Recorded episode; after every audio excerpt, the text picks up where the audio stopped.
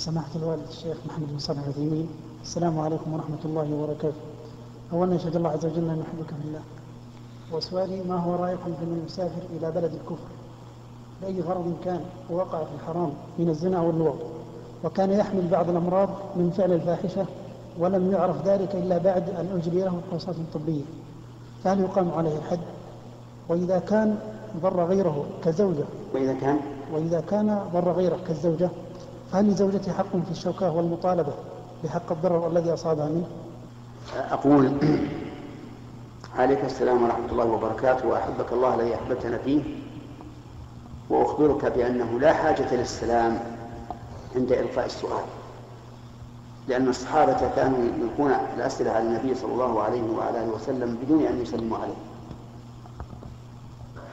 أما ما ذكرت من السفر إلى بلاد الكفر فإني أقول السفر إلى بلاد الكفر محرم. إلا إذا كان هناك حاجة أو ضرورة فالحاجة مثل التجارة ذهب يشتري منهم سلعا يتجر بها والضرورة كالمرض أو كصناعات لا, لا توجد في بلاد المسلمين أو ما أشبه ذلك.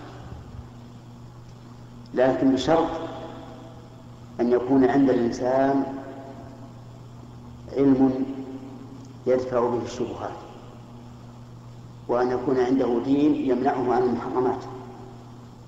أما إذا كان الإنسان يعلم من نفسه أنه ليس عنده علم يدفع به الشبهات وأنه إذا ذهب إلى بلاد الكفر سوف يلبسون عليه دينه ويوقعونه في حيرة فهذا لا يجوز له أن يذهب مهما كان حتى لو كان بأقصى الضرورة.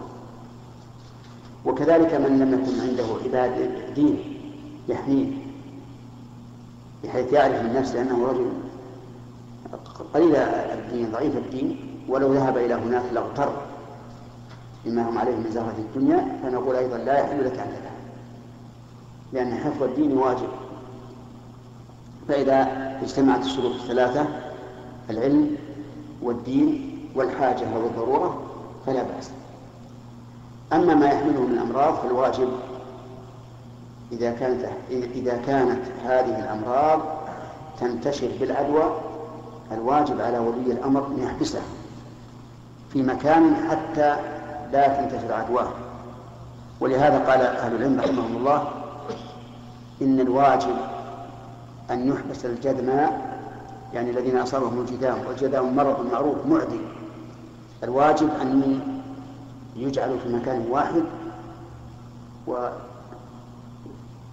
من الاختلاط بالناس. وإذا كان هذا الذي الذي أتى بالمرض المعدي يمنع من من الاتصال بالناس فاتصاله بزوجته من باب أولى. بمعنى أنه أن للزوجة أن تطالب بالفراق. ولها الحق في هذا وأما ما أصابها من المرض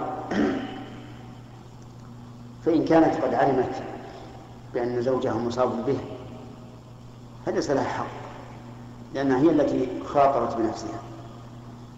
وإن لم تعلم فهو محل نظر ويرجع فيه إلى المحكمة.